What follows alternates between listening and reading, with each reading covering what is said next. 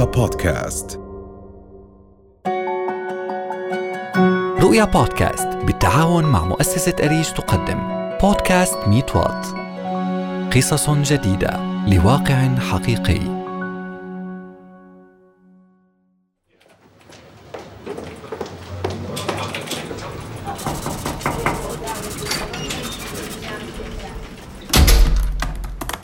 أيوه حكت لي اسمك معن أحمد مزبوط؟ أم. آه زي ما بتعرف معن إحنا قناة كتير معروفة والكل بيقدم عنا. بتقدر تحكي لي ليش ممكن نختارك لتكون أنت الموظف الجديد؟ أنا بحب تخصص كتير وعندي حلم إنه أصير إعلامي مشهور في البلد. وأكيد رح أتعلم بسرعة منكم ورح أحاول أكون قد المسؤولية إن شاء الله. يعني خبرني أكثر عن خبرتك وهيك. بصراحة أنا تخرجت قبل شهر وبتعرفي كانت كورونا وما لحقت أتدرب بمكان. تمام. عموما إحنا رح نتواصل معك لو صار نصيب. شرفتنا بتقدر تمشي. هاي قصتي. أنا معن أحمد تخرجت مع دفعة الكورونا. أيوة هاي الدفعة اللي انصدمت بكل شيء فجأة كنا منداوم وما أحلانا وبعدها صار اللي صار. اخترت الإعلام لأني بحبه كتير وأنا وصغير كنت دايما أشارك بالإذاعة ومستلم كتير نشاطات مدرسية وكانوا يختاروني لحتى أقدم المناسبات المدرسية. صرت أحب التخصص وأنا ما بعرفه. ولما دخلت الجامعة قررت أكون إعلامي مشهور بس ما بعرف وين رح أشتغل. آه ماما طمني شو صار معك اليوم؟ خير خير. بس بصراحة حسيتها ما عجبها كلامي وما بعرف شو ردهم إن شاء الله خير. يا أمي اسمع مني وروح دور على شغل تاني. على الأقل بتصرف منه على حالك. وشوي شوي أكيد بترجع بتلاقي. ما تيأس ابدا. الله يرضى عليك أنت وخواتك يا رب. يلا يا أمي. هي الأكل جاهز؟ روح غير أوعيك وتعال تغدى. هي مرق أسبوعين ولحد هلا ما حدا رد لي خبر. يا ترى حضلني بمكاني؟ بتصور أنا وكتير غيري صار فينا هالموقف. منروح بنقابل ومنتحمس وبعدها لاحس ولا خبر. نهاية السنة الماضية ب 2020 وبعد ما تخرجت بكم شهر نشرت دائرة الإحصاءات العامة عن ارتفاع نسبة البطالة بمعدل 23.9 وكان نصيب البنات منها 33.6 وإحنا الشباب 21.2 وكل هذا زاد بسبب الكورونا والآثار اللي صارت من وراها من تراكمات وتسكير شركات واستقالة موظفين وغيرها.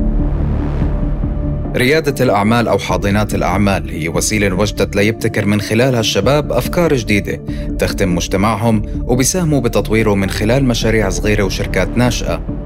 سألنا بسنت زيدان وهي صاحبة برنامج فسفوري لتحكي لنا عن تجربتها في هذا المجال.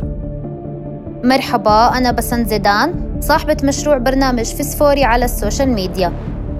فسفوري هو عبارة عن برنامج اجتماعي تفاعلي منقدم فيه قضايا اجتماعية شبابية أكتر منركز كتير على الأشياء اللي إحنا منحاكي فيها المجتمع بشكل آه، بسيط ومتسلسل وحلقة كلها مدتها ثلاث دقايق أربع دقايق بالكتير منناقش فيها الأشياء الاجتماعية والشغلات اللي منواجهها بحياتنا اليومية. بلشت بفسفوري لأنه ما في أي فرصة عمل ثابتة. تقدر آه، تعطيني دخل مادي بشكل آه، دوري أو آه، خلينا نحكي إنه أقدر أنا أصرف على حالي منه. فاتجهت لإني أعمل مشروع الخاص. كتير تغلبت إنه يكون في إلي مشروع ريادي بقطاع الإعلام وهذا الإشي آه، نوعا ما لسه جديد ومش مألوف عندنا بالأردن. للأسف كتير ناس بتفكرنا نحن اللي عم نعمل برامج على ال social media نحن YouTubers influencer يعني ما بيكونوا ماخذين الموضوع كجهة آه، ريادية أو ناحية آه، قطاع الريادة في مجال الإعلام.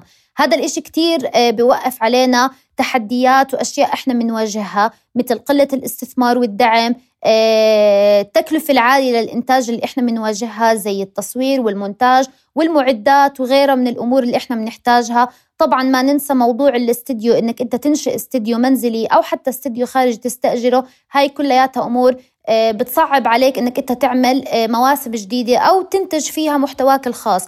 بس الحمد لله أنا حاليا خلصت موسمين سجلتهم بهيئة الإعلام والمكتبة الوطنية مشروعي ضمن خريطة الشركات الناشئة في الأردن في قطاع ال social media وهيني عم بكمل فيه.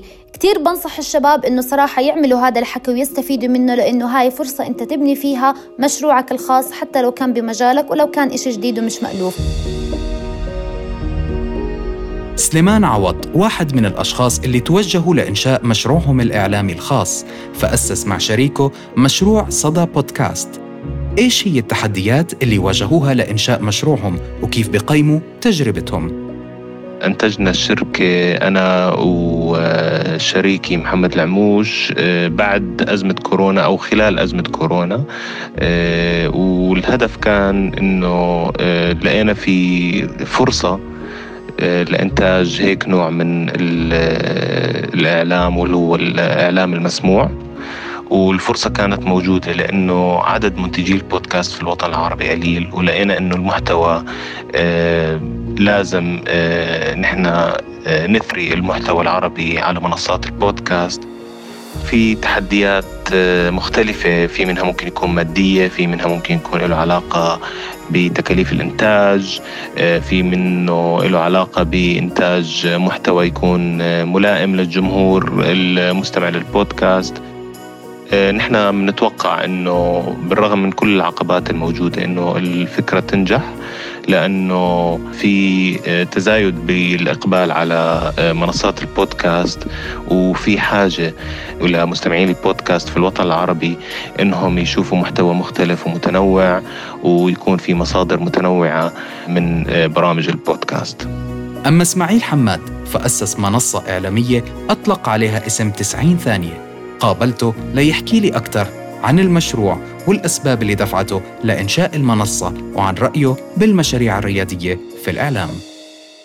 90 ثانية هي منصة ناطقة باللغة العربية تقدم محتوى آه، ترفيهي وتثقيفي بأسرع وقت وأفضل صورة. يعني من اسمها 90 ثانية هي فيديوهاتنا عبارة عن دقيقة ونصف فقط نقدم فيها سواء برنامج سواء أخبار سواء تقرير أو حتى أسئلة بالشارع. أنت حاليا عندك الفرصة أنك أنت في عندك البديل الحقيقي للتلفزيون واللي أصلا مع مع الزمن أنا بأكد لك أنه تقريبا آه، راح يختفي مش راح يختفي وجوده بشكل كامل ولكن ولكن آه، فكرة أنه راح يصير خلص يعني زيه زي الصحف الورقية ما في حدا بتابعه ولا في حدا آه، يعني مهتم أنه يكون موجود فيه.